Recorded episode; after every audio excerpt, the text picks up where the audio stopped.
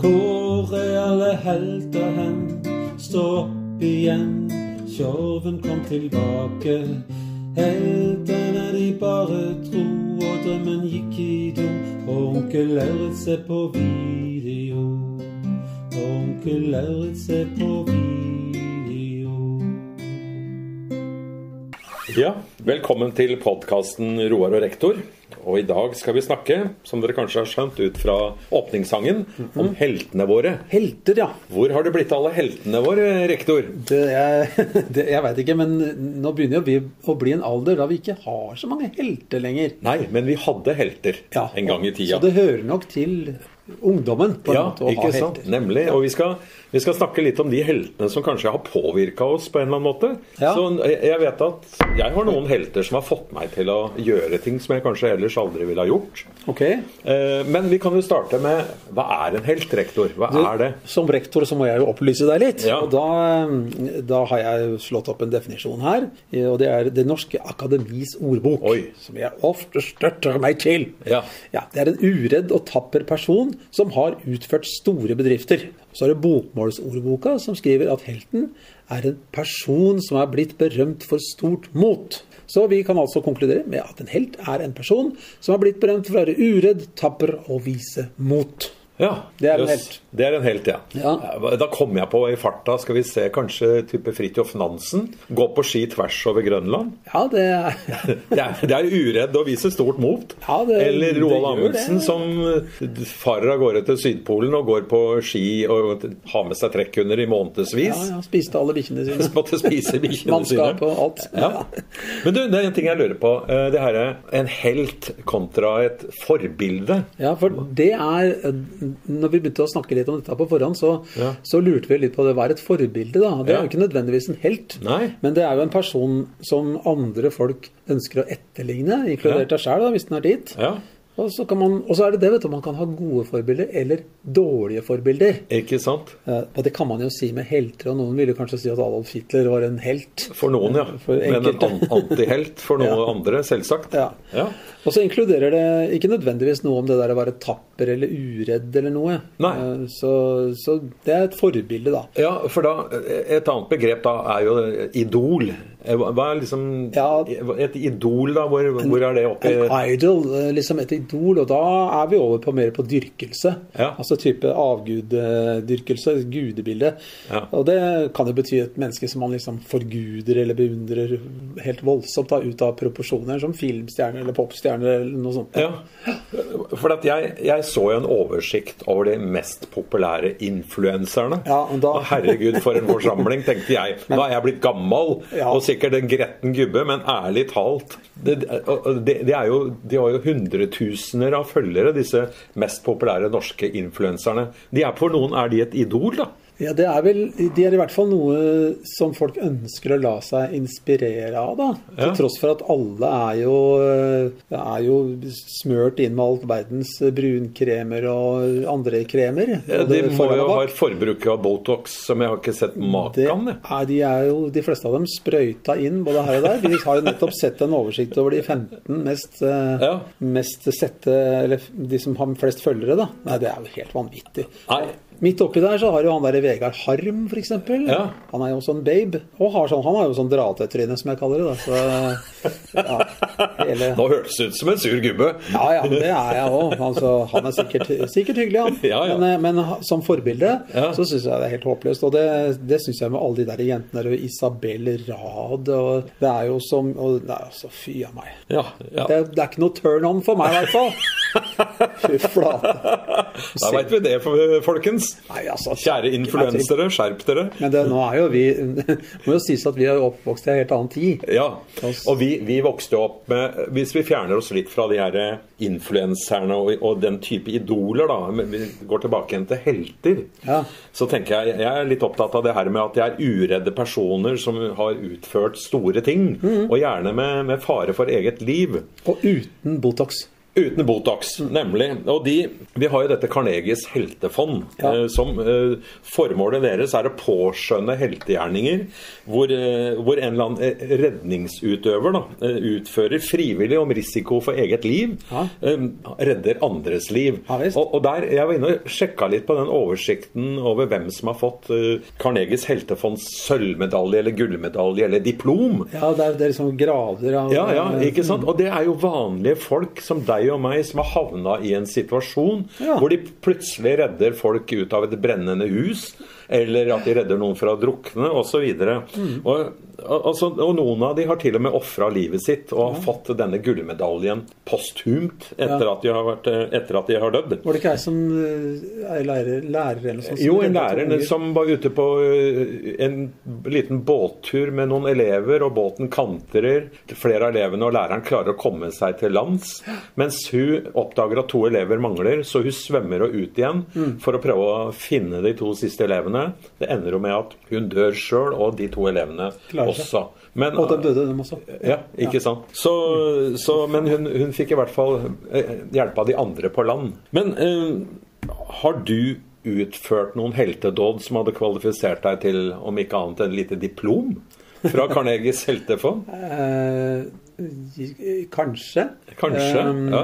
Men det er ingen andre enn meg som veit det. Ja. Fordi at eh, Men nå, ja, nå snart lytter nå, da. Det var jo en hel haug med folk på en chartertur en gang. eh. I hvert fall så, så var vi ute og bada, var langgrunt, var ved Middelhavet der.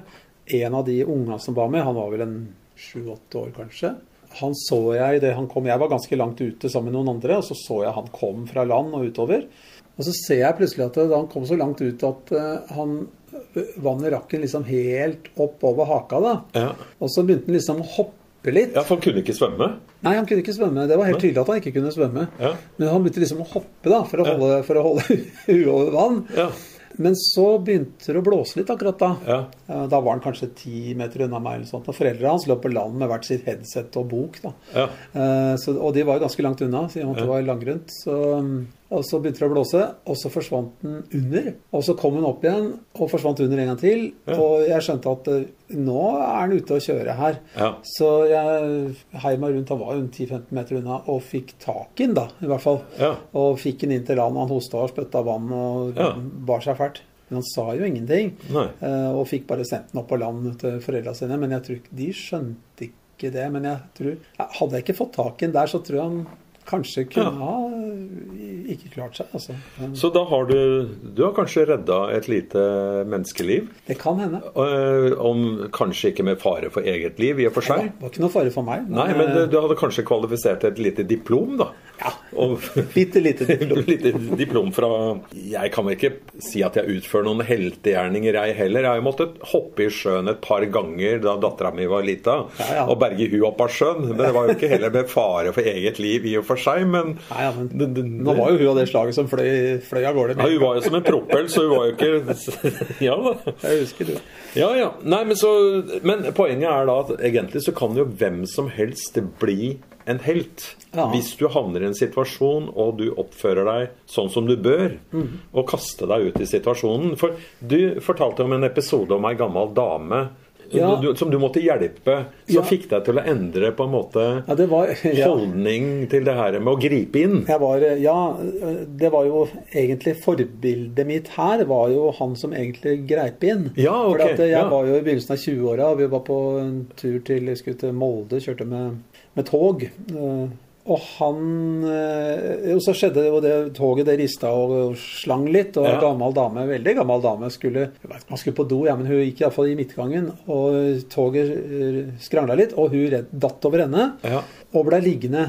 Og, og så var det en av disse som jeg reiste sammen med da. Han reagerte umiddelbart. Han løp rett bort til dama, tok tak i henne. 'Hører du meg? Kan, skal jeg hjelpe deg opp?' Han stilte alle de riktige spørsmålene. 'Har du vondt noe sted?' Ja. Har du vondt? Å, hun var jo litt sånn skremt, og, og han klarte å få stabla henne opp, da. Ja. Og så tenkte jeg at eh, jeg var altfor passiv i den situasjonen. Ja.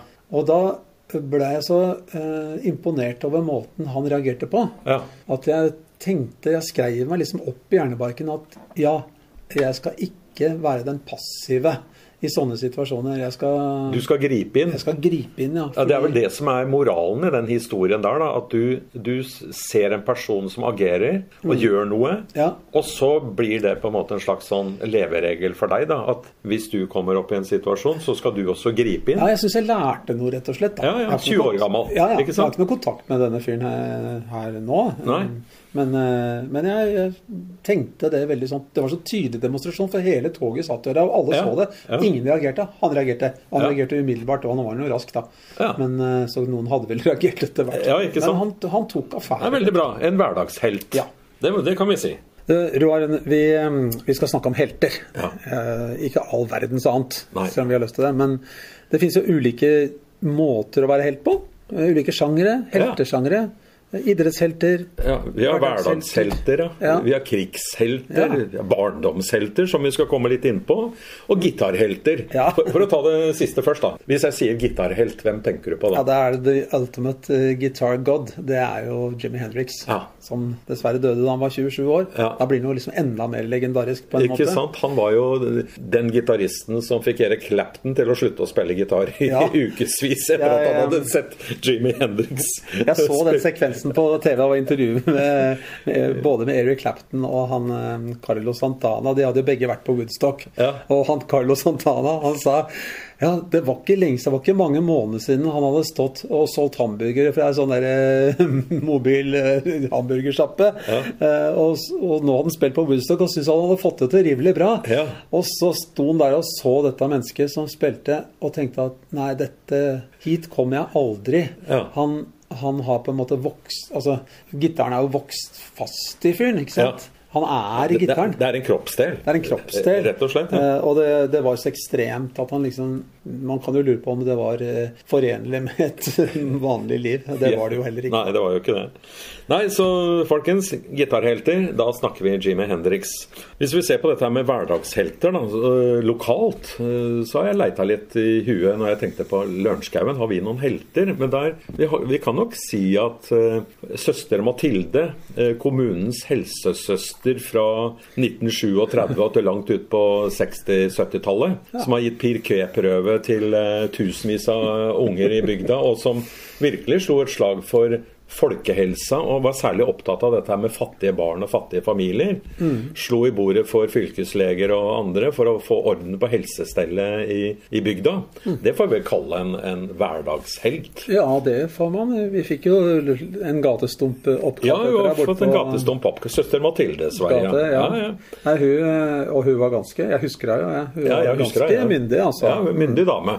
En hverdagshelt. Eh, Har vi andre, rektor? Ja, så når jeg var guttunge, så var jeg mye på, oppe på, på en gård her borte, Løken gård. Eh, og han eh, som drev gården, eh, Olaf Aamodt, han var jo litt sånn eh, forbilde for meg. Og det var mest fordi han kunne alt mulig. Ja.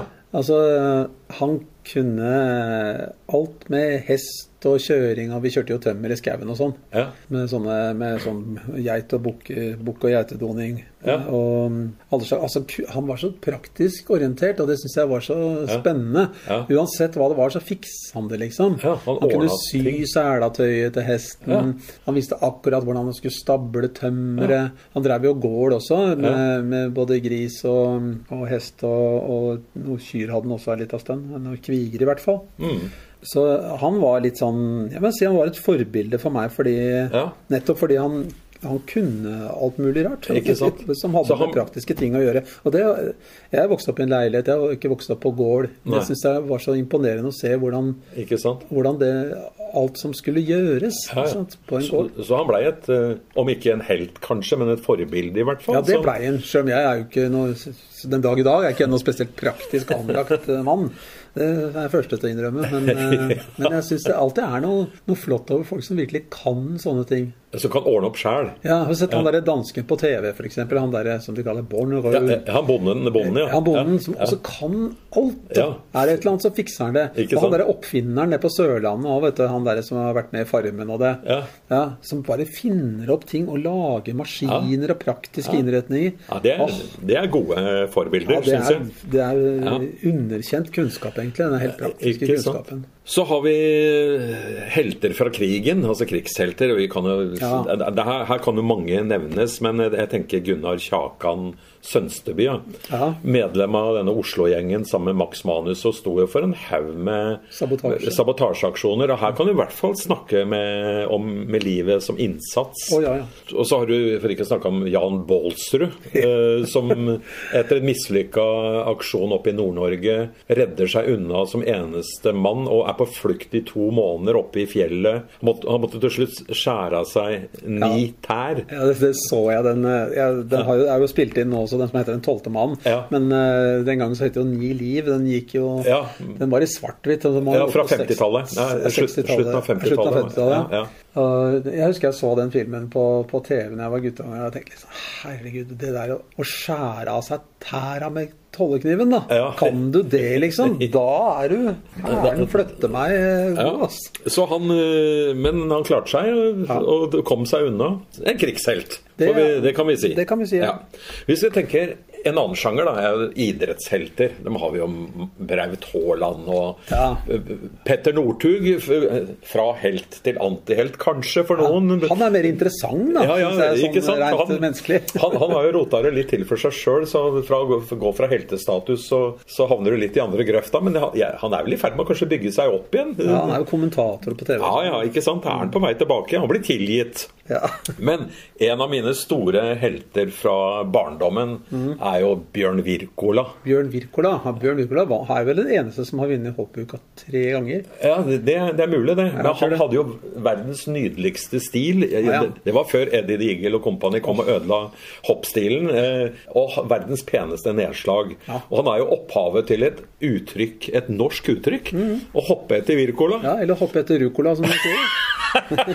Ja. Ja, men eh, nei, han er, Bjørn Wikola er jo hel ved, da. Ja, han, han står for meg som en sånn eh, en ordentlig idrettshelt. Men um, hvis vi ser på litt mer sånn internasjonalt kjent uh, idrettshelt Det var ikke bare fordi han var en utrolig god fotballspiller, men han var så utrolig rappkjefta.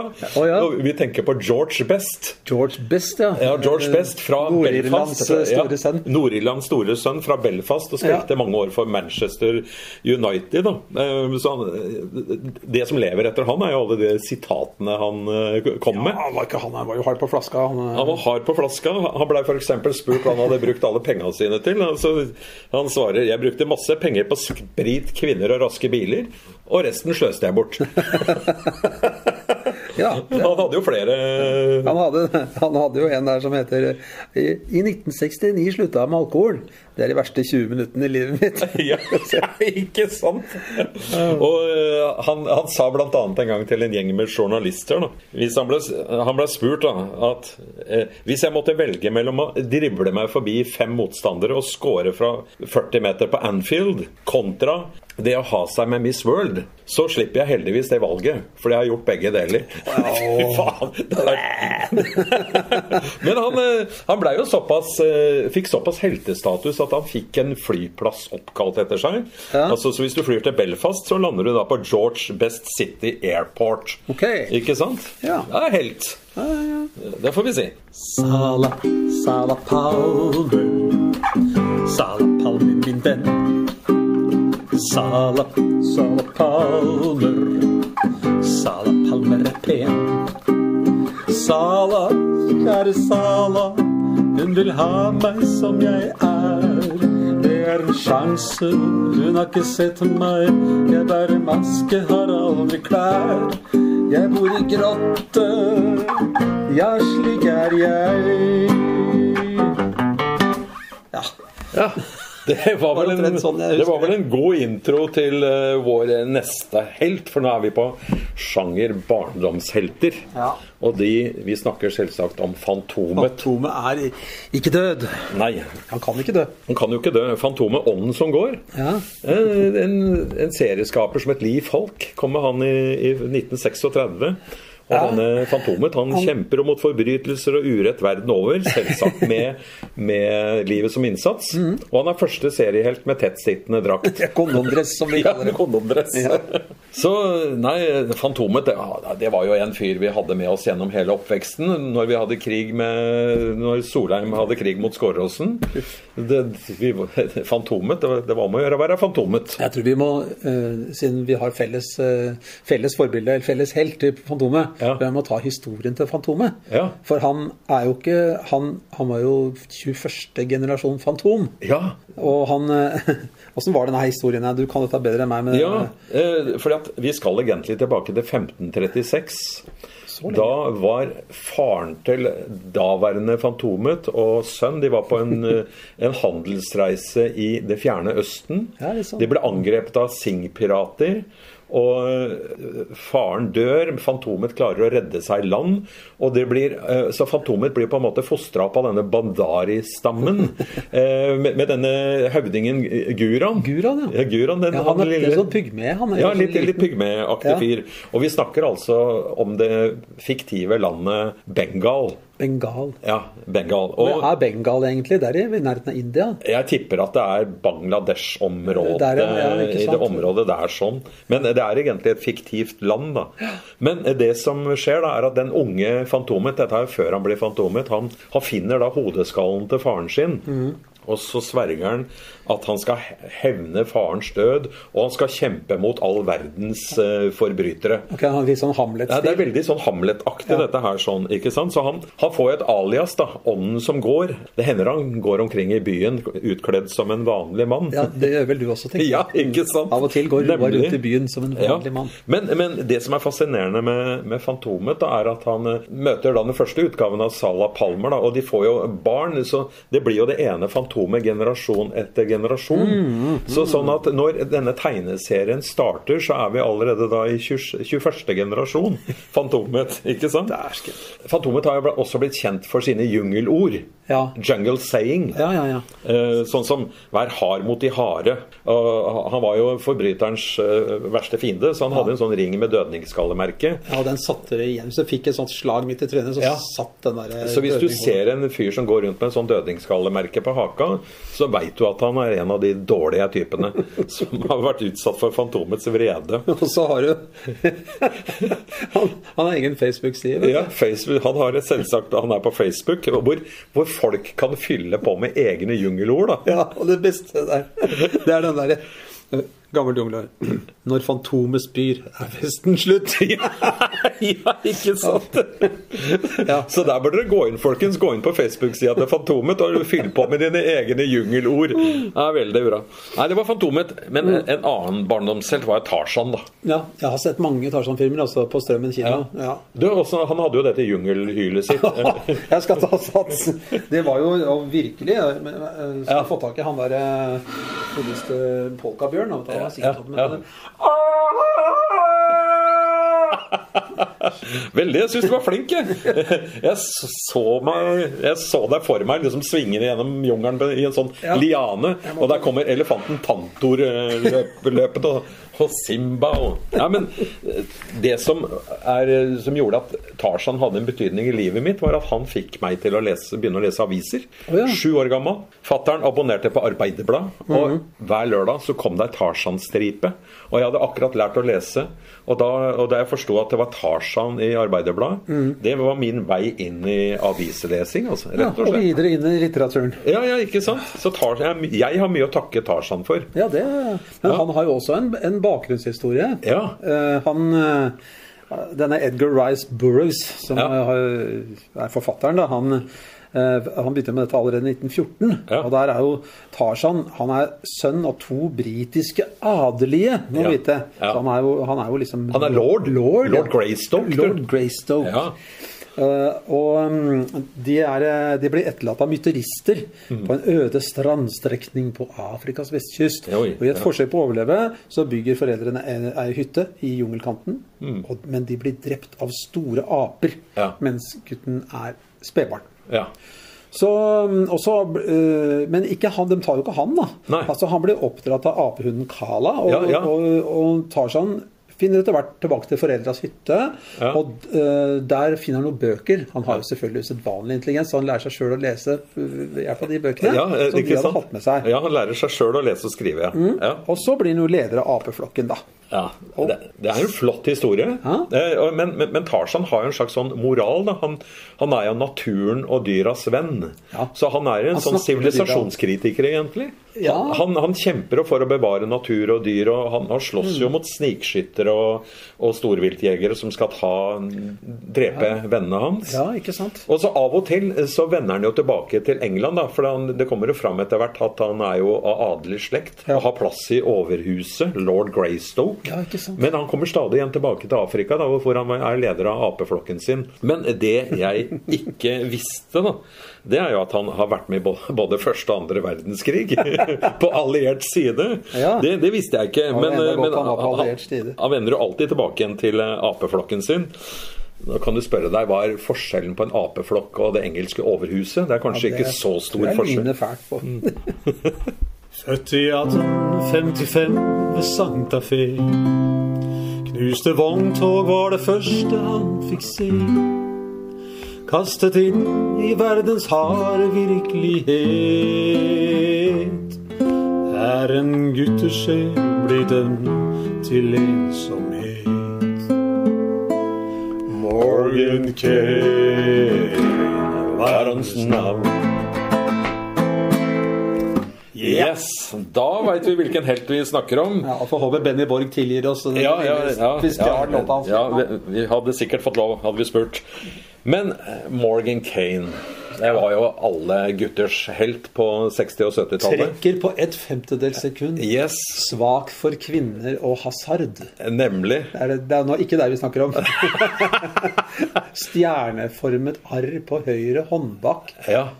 Lam ringfinger festet med skinnmansjett til langfingeren. ja. Herregud, for en type. Ja. Alle, alle gutter jeg kjente han, han har nok fått ganske mange menn til å begynne å lese Ja, bøker i det hele tatt. Ja. Morgan Kane, altså Det er solgt 11 millioner Morgan Kane-bøker bare i Norge. altså, det, han, eh, Kjell Halbing, da, forfatteren, Ja. Ja, Den ble gitt ut i ti land, denne Morgan Kane-serien. Eh, han skrev jo 63 ulike bøker, og det ble solgt totalt 22 millioner bøker. Ja, det er jo helt vilt. Ja. Ja. Og veit du hvem som har tegna omslaget? Ja. Det er en Lørenskauing, Ja, nemlig. Svein Solheim, ja. Svein Solheim, ja. Yes. Han, har- ja, ja, han har tegna omslaget til Morgan Kane-bøkene. Ja. Så det er jo en helt som har fått betydning for veldig mange gutter, tror jeg. Ja, det tror jeg også. Ja. Fordi det, er, det var lettfattelige bøker. Og de, de var ikke Men, men altså, nå har ikke jeg lest i voksen alder, må jeg innrømme. Men jeg husker at jeg også leste noen andre eh, sånne westernbøker. Ja. Men uh, ingen av dem var i nærheten av Morgan Kane. fordi han hadde, det var i hvert fall en viss sånn Han var et litt sånn mangefasettert eh, ja, menneske. han var litt sammensatt. Ja, han var jo ikke bare sterk eller bare Nei. Nei, han var uh, Ja, Han var litt sånn sammensatt helt, egentlig. Hadde Ja. sine svake sider. og Drakk for mye. Ja, drakk for mye osv. Men han, han blei nok en helt og en forbilde for mange. Det var jo vi, når vi lekte krig mot Skåreråsen osv., så, videre, Mhm. så var det jo ja, fritt for å være Morgan Kane. Altså, De fleste ville være indianere, men eh, hvis, eh, i, i dag er det ikke lov. Nå er det kulturell appropriasjon. Nei, du si det, Nei, du kan ikke si det. Beklager. Sorry, folkens. Men jeg vil jo gjette på at f.eks. Harry Hole, altså romanfiguren til Jo Nesbø, Ja. er litt i slekt med Morgan Litt i slekt med Morgan Kane, ja. Kommer Yes. seg unna alt og Ja. sånn, men uh, drikker som en svamp og Ja. har seg med alt han kommer Ja. over. Mm. Nei, ja, jeg leste ikke så mye Morgan Kane sjøl, men brutter'n gjorde det. Da. og Det var en sånn mareritt når du vokste opp på, på Solheim i blokkene der og hadde én do. eh, hvor brutter'n Han kom jo ikke ut av den doen før han var ferdig med Morgan Kane-boka. så, så det var lenge å vente av og til. Ja, ja, ja. Sånn var det med det. Men ok, nå har vi vært gjennom en del sånne barndom-ungdomshelter. Ja. Men eh, hvis vi er litt mer eh, Skal vi se, se litt større på det, da, gå litt ut i verden og, og sånn, eh, sånn Virkelige helter som har ofra noe for saken. Flere av de har jo dødd for saken. Jeg tenker en fyr Nelson Mandela han ble blei jo etter hvert for meg i hvert fall en slags helt som måtte lide og sitte 27 år i fengsel. ja, er du gæren? 27 år i fengsel? Ja, For også, å kjempe mot apartheid. Ja, og så kom, når du kommer ut altså En ting er å sitte 27 år i fengsel, det er jo helt umulig å tenke seg hvordan det Ja. er. Men Ja. når han kommer ut, så, så skulle man jo tro at han da ville hevne seg på det aller grusomste. Ja. Nei, det gjør han ikke. Nei. Han og nå nylig avdøde Desmond Tutu, Ja. de eh, går jo inn for en ikke-voldelig linje Ja. med et slags eh, sånn eh, hvor man forsøker å få folk til å forsone seg, en forsoningslinje, da, for å kunne drive det samfunnet videre. Hvis ikke så kunne det endt i bare surr, og i vold og faenskap, men det gjør det ikke. Nei. For det de klarer, den balansekunsten, det, Å det heve seg over hevntankene. Ja. Eh, og Det, det syns jeg er veldig sterkt. Så det er klart at en sånn mann som Nelson Mandela blir jo både et helt og et forbilde. Han går inn i kampen med livet som innsats, Mm. så han utviser jo stort mot. Men samtidig så blir han også et forbilde fordi at han, han hever seg over det med hevntanke og hevntrang. Ja, jeg syns han eh, sammen med Desmond Tutu Jeg har lyst til å ha med han også. Fordi ja. Desmond Tutu hadde også eh, Han var jo erkebiskop. Ja. Så han hadde jo eh, veldig stor innflytelse. Ja. Og han hadde jo den derre Ja, vi skal tilgi, Mm. men vi skal aldri glemme. Nei. Ikke sant? Tilgi, men aldri glemme. Ja. Og så gå videre med den erfaringa, slik at vi ikke gjentar dette. At Ja. eh, ikke vi gjentar de dumhetene. Ja. Og det, den, det perspektivet der, det er, eh, det er gull, altså. I Ja. mitt hue, i hvert fall. Ja, Da er du et stort sånn. menneske som ja. Jeg har jo vært veldig fascinert av Latin-Amerika. Eh, og en av grunnene til det har nok vært disse som på en måte ble en slags heltefigurer for meg også. Jeg tenker på visesangeren Victor Hara. Den chilenske visesangeren, som eh, jo støtta den folkevalgte statslederen i Chile, eh, Salvador Allende. Eh, han var jo ganske sånn opposisjonell. Han var poet og politisk aktivist. Drev med teater og Han drev med teater, han mye drev med veldig mye forskjellig. Så Han ble jo typisk kulturarbeider, vil jeg si. ja, ja, ikke sant?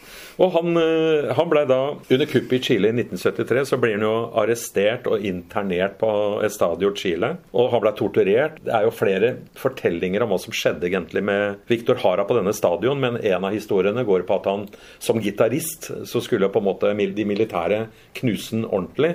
Så de knuste jo fingra på han, eh, så han ikke kunne spille gitar. Eh, Og så ble han henretta da fem dager etter kuppet. Og militærjuntaen de var så redde for Victor Hara at de, de, de konfiskerte jo all musikken hans. Platene, platehyllene ble tømt, og de, de tok til og med mastertapene. Han hadde jo gitt ut masse LP-er og mye materiale. Så, men, men musikken da, og, og Hara ble jo på en måte et slags sånn symbol for motstandskampen i hele Latin-Amerika. Eh, når folk kjempa mot militærdiktaturene, særlig på 70- og 80-tallet. I Argentina og Chile og, og mange andre land. ikke sant? Men det som jeg syns er litt stilig, er at den stadion hvor Victor Hara ble internert, den het den gangen Estadio Chile. Det er Chiles største idrettsarena. I 2009 så ble den stadion omdøpt til Stadio Victor Hara. Ja, det er Da tenker jeg det er, det er, det er payback time, på en måte. Det er payback, altså. Så, så Victor Hara er også en sånn, for meg i hvert fall, en sånn en helt og et forbilde. Men du Roar, eh, har du hatt noen altså Helter kan jo være mye rart, da. Men har du hatt noen som liksom har påvirka deg ordentlig? Altså gjort deg til det monsteret du er? Ja, ja, ja, jo takk. Takk skal du ha. Eh, jo, faktisk, jeg ja, Det er en barndomsopplevelse som sitter veldig spikra i meg. Eh, vi skal tilbake til gamlebyen i Oslo, 1963. Jeg er seks år gammel.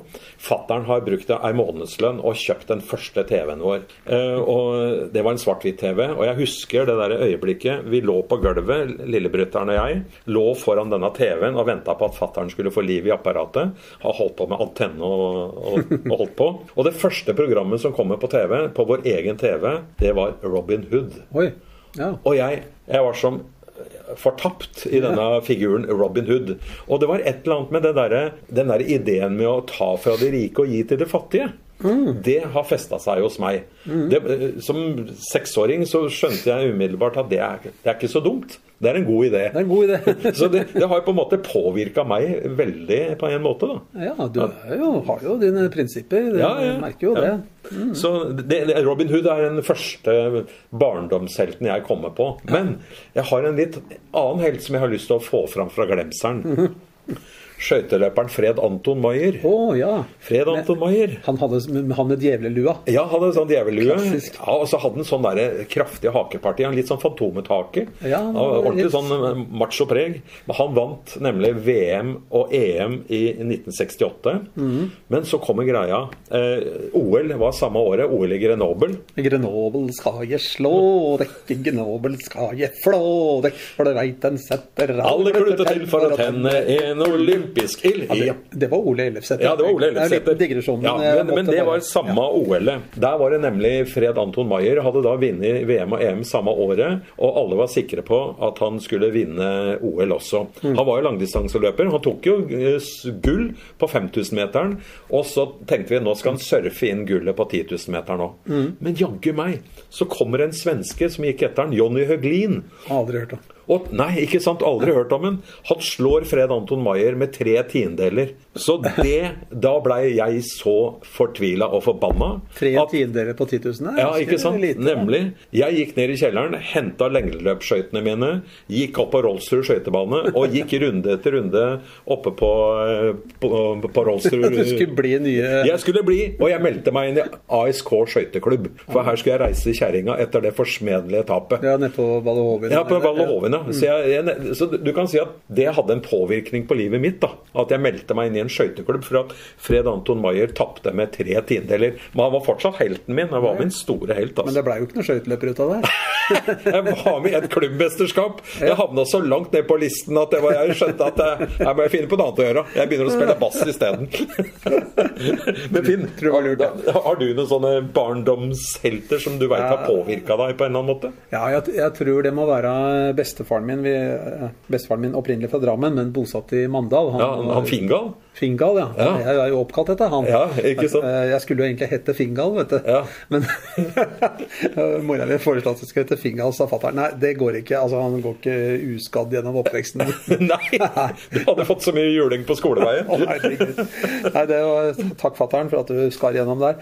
Men eh, bestefar, han eh, Fingal, da, han, eh, han var jo en raring. Han var sjømann og hvalfanger, og, og han var borte i lange perioder. Han var Altså, Mora mi så han ikke før han var sju år. Nei. Da var han savna. Han ble funnet på Tasmania, da. Ja. så han hadde jo et liksom veldig sånn mystisk og myteomspunnet liv. Og snakka jo aldri med noen Nei. om det. Men det var ingen som turte å spørre henne heller. Så det, så, ja, det sier jeg til alle dere. Så hvis dere har noen sånne personer i slekta, som, så spør dem da. Ja. Istedenfor å gå rundt og lure på ja, Dreiv en på Tasmania i sju år? Har vi familie der, tru? Ja, Eller hvordan er det? Ja. Og hva var Tasmania på 30-tallet? Det var vel bunkringshavn for hvalbåter? Ja, Sikkert eh, bordeller og Ja. spillebuler og mye sånt. Men han ble et forbilde for deg, da, på en måte? Ja, fordi at eh, jeg var jo med en ut noen ganger. Han hadde jo eh, ei snekke liggende i Mandal, i Mandalselva der, rett, i, rett nede i byen. Eh, Jeg husker jeg var så imponert over han, fordi han hadde innretta seg så innmari bra. Han hadde jo lang pensjonisttilværelse, han ble jo sjukmeldt, eh, han hadde hjertetrøbbel. eh, Så han, hadde, han var jo pensjonist i 30 år eller noe sånt. Ja. Eh, Og han hadde altså si, han, han hadde snekka, og, og så hadde han rattet, eller roret, da, det, det var jo på, på sida, sånn som Ja. en snekkere hadde. Ja. Og så, så han kunne Han hadde stolen sin her, så hadde han en blekkboks mellom beina som han kunne pisse i. Aha. Hvis han slapp å øh, reise seg opp. Ja. Uh, kjøre båten, og så hadde han ølkassa stående på, på venstresida, da, Ja. Uh, rett, rett ved siden av motorkassa. Uh, da kunne han også sette fra seg, kunne røyke og sånn, for motorkassa sto akkurat der, så han kunne ha askebeger og sånn. ja. Og da kunne han kjøre båt, drikke øl, pisse, vinke til folk han kjente på fjorden. Og og fiske. Et par dorgesnører ute samtidig. Så var, da var han konge, altså. Det er ikke rart han blir forbilde. En mann som kan gjøre fem ting samtidig. En ting samtidig, ja. Pisse, kjøre båt, drikke øl, vinke og fiske. Det er jo helt fantastisk. Ja, det var helt. Nei, det, var, det må ha vært et utrolig forbilde. Ja, det var et forbilde. Men han var ikke noe, selvfølgelig ikke noe forbilde for mora mi. Eller for bestemor, for den saken skyld. Han Da kom hun jo hjem med to bøtter makrell og satte dem på trappa, og så gikk hun ned i kjelleren og drakk etterpå. Nå sto bestemor til langt på natt og sløya makrell. Da. Ja. Så det var ikke så Nei han, han hadde jo noen sider. Ja. Men, det, men, eh, men for meg som guttunge så syns jeg det var helt eh, fantastisk. det var konge av fjorden, altså. Rett og slett. eneste jeg angrer på, at jeg aldri spurte hva dreiv du med på Tasmania? Ja. Og Når du var hvalfanger og sånn, kan du ikke fortelle om det? Ja. Men det fikk jeg aldri gjort. Nei, da er det for seint. Men spør, folkens. Spør folka. Hva har de drevet med? Ja. Ja, men nå har vi jo snakka om våre helter. Vi har vært på de nære, nære og kjære. Vi har vært litt ute i fantasiverdenen og snakka om Tarzan og Fantomet. Og Vi har snakka om hverdagsheltene, idrettsheltene. George Best ja, med sine uforlignelige sitater. Ja, ja. Det, jeg jeg syns det var et interessant tema. Når du først foreslo det, Roar, så var jeg litt sånn skeptisk, for jeg så ikke helt dimensjonen av det. Men eh, ja, jeg begynte å tenke på det. Så ja, fint. Vi prøver en pod på dette her. Ja, Men det er én ting vi ikke har snakka om. Jenter, damer. Ja. Vi, nå har vi bare snakka om uh, helter i mer sånn gutte-manneverden. Ja, ja. Hva er heltene til jentene og damene? Og Istedenfor å spekulere, kan vi ikke bare spørre dem, da? Ja, kom igjen. Liksom, hva er det trenger ikke være Gro Harlem Brundtland eller eh, Nei. dronning Sonja Indira Gandhi eller Friele eller Nei, nei. Jenter, hvem er heltene deres? Send oss en melding, da vel. En flaskepost. En flaskepost hadde passa veldig bra. Ja, eller Send, en mail, eller- En mail. Hvem var det du så opp til da du vokste opp? Hvem var dine helter? Jenter, damer, svar oss. Ja. Skal vi si takk for oss fra Roar og rektor? Takk for oss. Podkasten Roar og rektor. Podkasten du ikke visste du trengte.